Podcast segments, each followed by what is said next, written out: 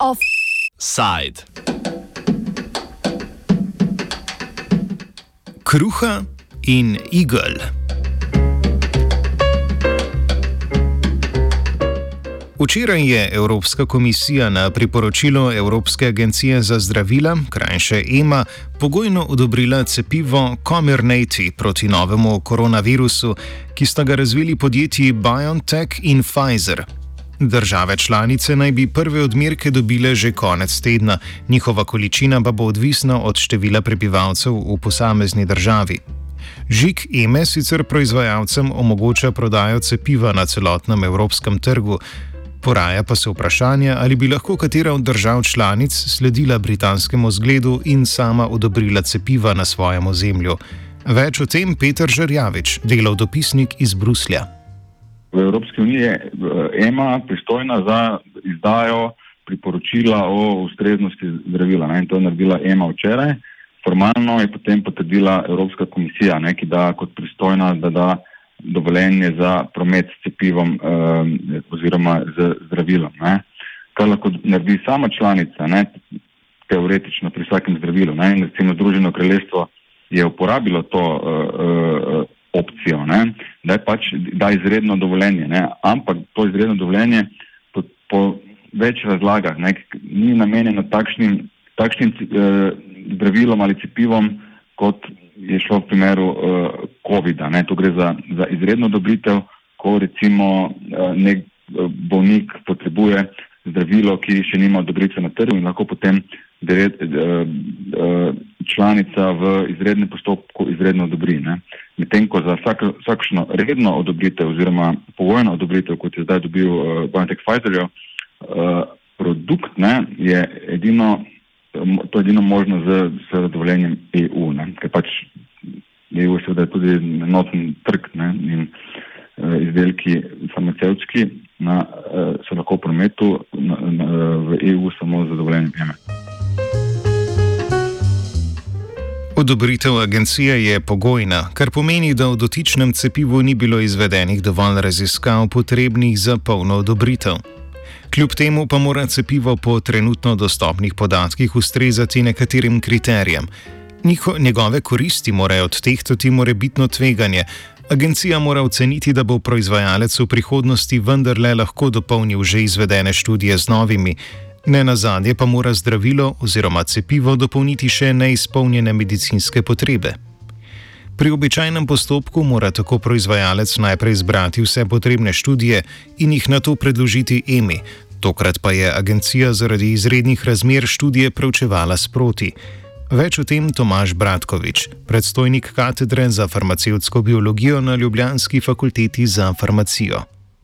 Običajen postopek eh, presoje učinkovitosti in varnosti eh, cepiv um, je pravzaprav zelo podoben temu, kot ga je zdaj uh, Evropska agencija za zdravila ubrala.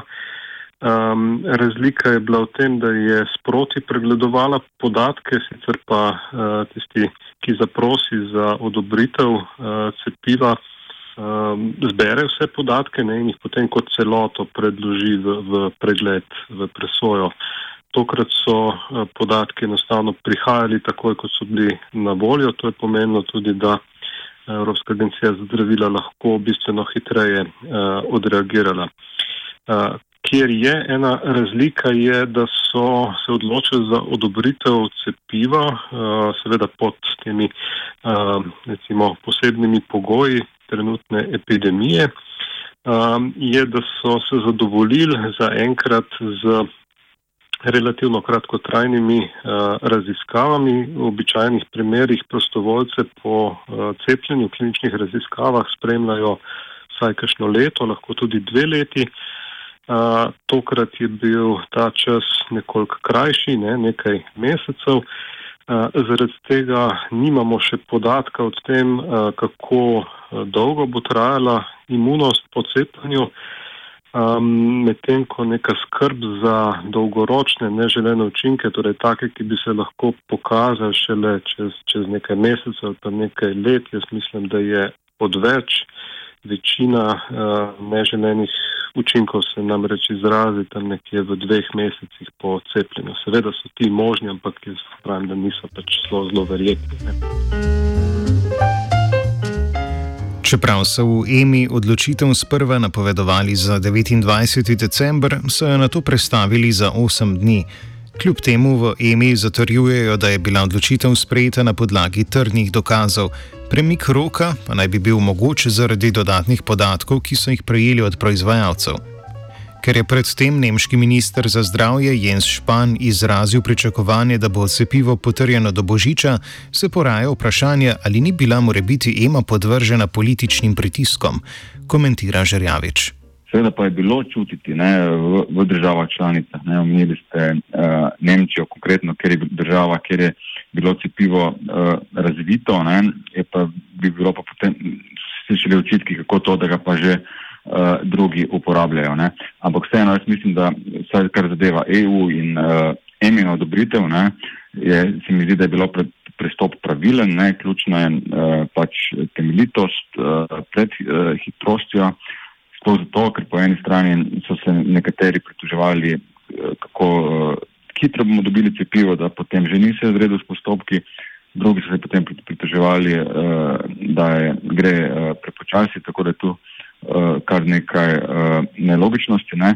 Sploh se mi pa zdi z vidika zaupanja, ne, da vemo, da je v javnosti v enih državah članicah več, v drugih manj. Je kar nekaj dvomov o, o cepivu, o cepljenju in mislim, da bi kakršen koli dvom oziroma sejanje dvomov o ustreznosti postopka lahko to nezaupanje uh, še poglobilo. Ne. To se mi zdi, da je pač EMA tudi včeraj pokazala z veliko mero strokovnosti, eh, resnosti v predstavitvi, da, takšnih, eh, da, da dvomi seveda eh, niso upravičeni in da so pač izpeljali vse po pravilih in upoštevanju vseh standardov in da bodo na koncu seveda evropejci dobili učinkovito zdravilo, ki seveda ni škodljivo. Evropska komisija je to leto podpisala pogodbe o nakupu cepiva s šestimi ponudniki.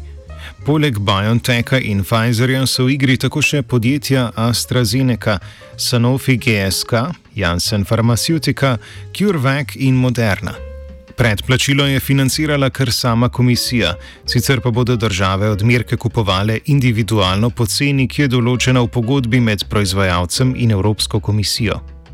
Natančne številke sicer niso znane, prav tako pa nimajo vsa cepiva enake cene, med drugim zaradi različnih tehnologij izdelave in njihovega delovanja. Ve pa se, da se cene gibljajo med 2 evroma in 20 evri. Prejšnji teden je namreč izbruhnila manjša afera, ko je belgijska državna sekretarka Eva de Bleker na Twitterju objavila domnevne cene cepiv, ki so sicer po pogodbi tajne. Več o tem Žerjavič. Ja, pač Unija je sklenila z, z vse še ti, mislim, to so bile tvegane, ne? To so to, to šest proizvajalcev, ki so imeli obetavne uh, raziskave, ki so kazali, da bodo uspeli, uh, da bodo uspeli uh, proizvesti, uh, uspeli proizvesti cepivo, ne? Pa svoje bilo tudi tvegano, ne?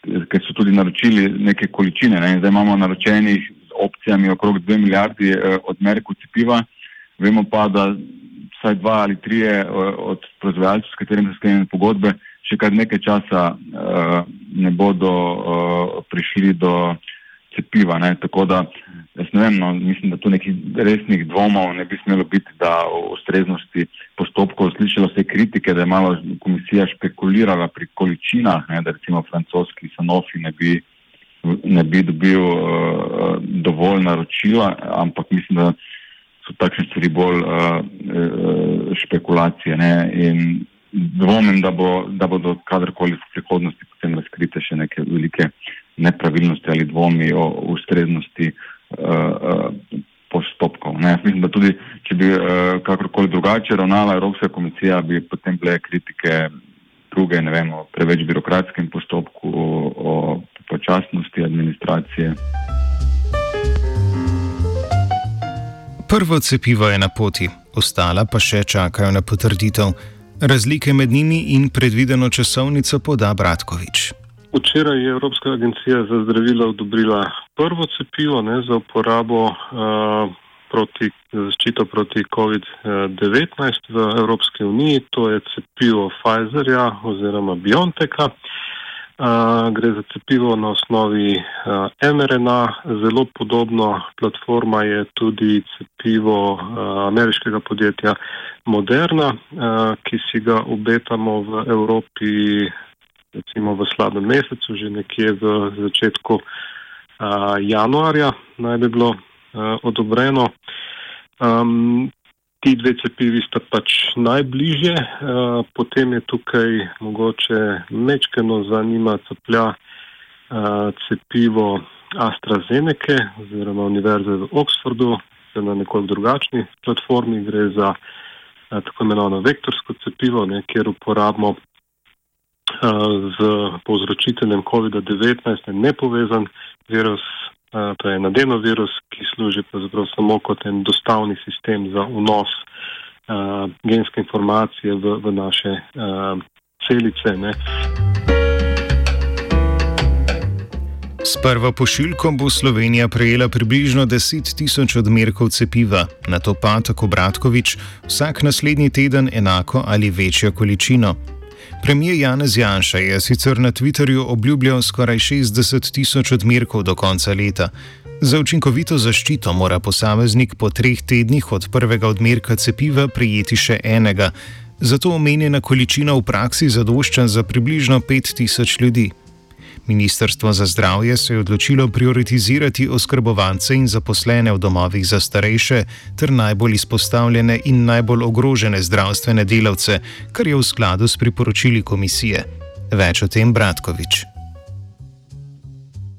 Je pa tako, najprej ste omenili uh, 10 tisoč odmerkov, kar bi res zadoščalo, ne, če upoštevamo dva odmerka za uh, cepljenje 5 tisoč ljudi. Uh, ampak so se odločili, da bodo že uh, s to prvo pošiljko cepili uh, eh, 10 tisoč ljudi uh, in potem, uh, ko pride pač nova pošiljka, kar si obetamo, kot pravim, že recimo v enem tednu, uh, bodo pa te potem namenjene za, za tisti drugi odmerek. Se pravi, uh, želimo zaščititi kar se da uh, veliko število ljudi čim prej. Uh, vemo namreč, da že po prvem odmerku, in to sklepamo na iz kliničnih raziskav, je zaščita, ki jo nudi to cepivo, približno 50 odstotna, um, kar jaz mislim, da je dovolj dobro, pa nekaj, kar bi z veseljem pograbili, ne, predn smo slišali za, za uh, te visoke uh, stopnje učinkovitosti.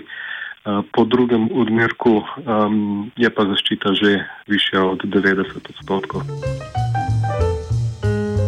Na globalni ravni cepljenje usklajuje COVAX, sicer program Svetovne zdravstvene organizacije, ki si prizadeva za čim bolj enakomerno razporeditev odmerkov po državah glede na njihovo prebivalstvo. Program naj bi se prav tako trudil preprečiti situacijo, ko bogatejše države neizbežno zmagajo v tekmi za cepiva na škodo revnejših. Kot cilj je izpostavljena dobava 2 milijard odmerkov do konca leta 2021, kar je pri, torej približno toliko, kot je skupnih odmerkov, ki jih predvidevajo prej omenjene pogodbe Evropske komisije s šestimi proizvajalci. A Evropska unija še zdaleč ni edina igralka pri COVAX-u s figo v žepu.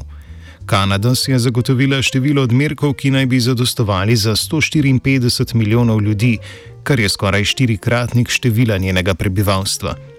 Sledita in Združeno kraljestvo, ki lahko svoje državljane precepi trikrat, in Avstralija z naročenimi odmerki za približno 250 odstotkov prebivalstva. Kdor lahko, pač lahko.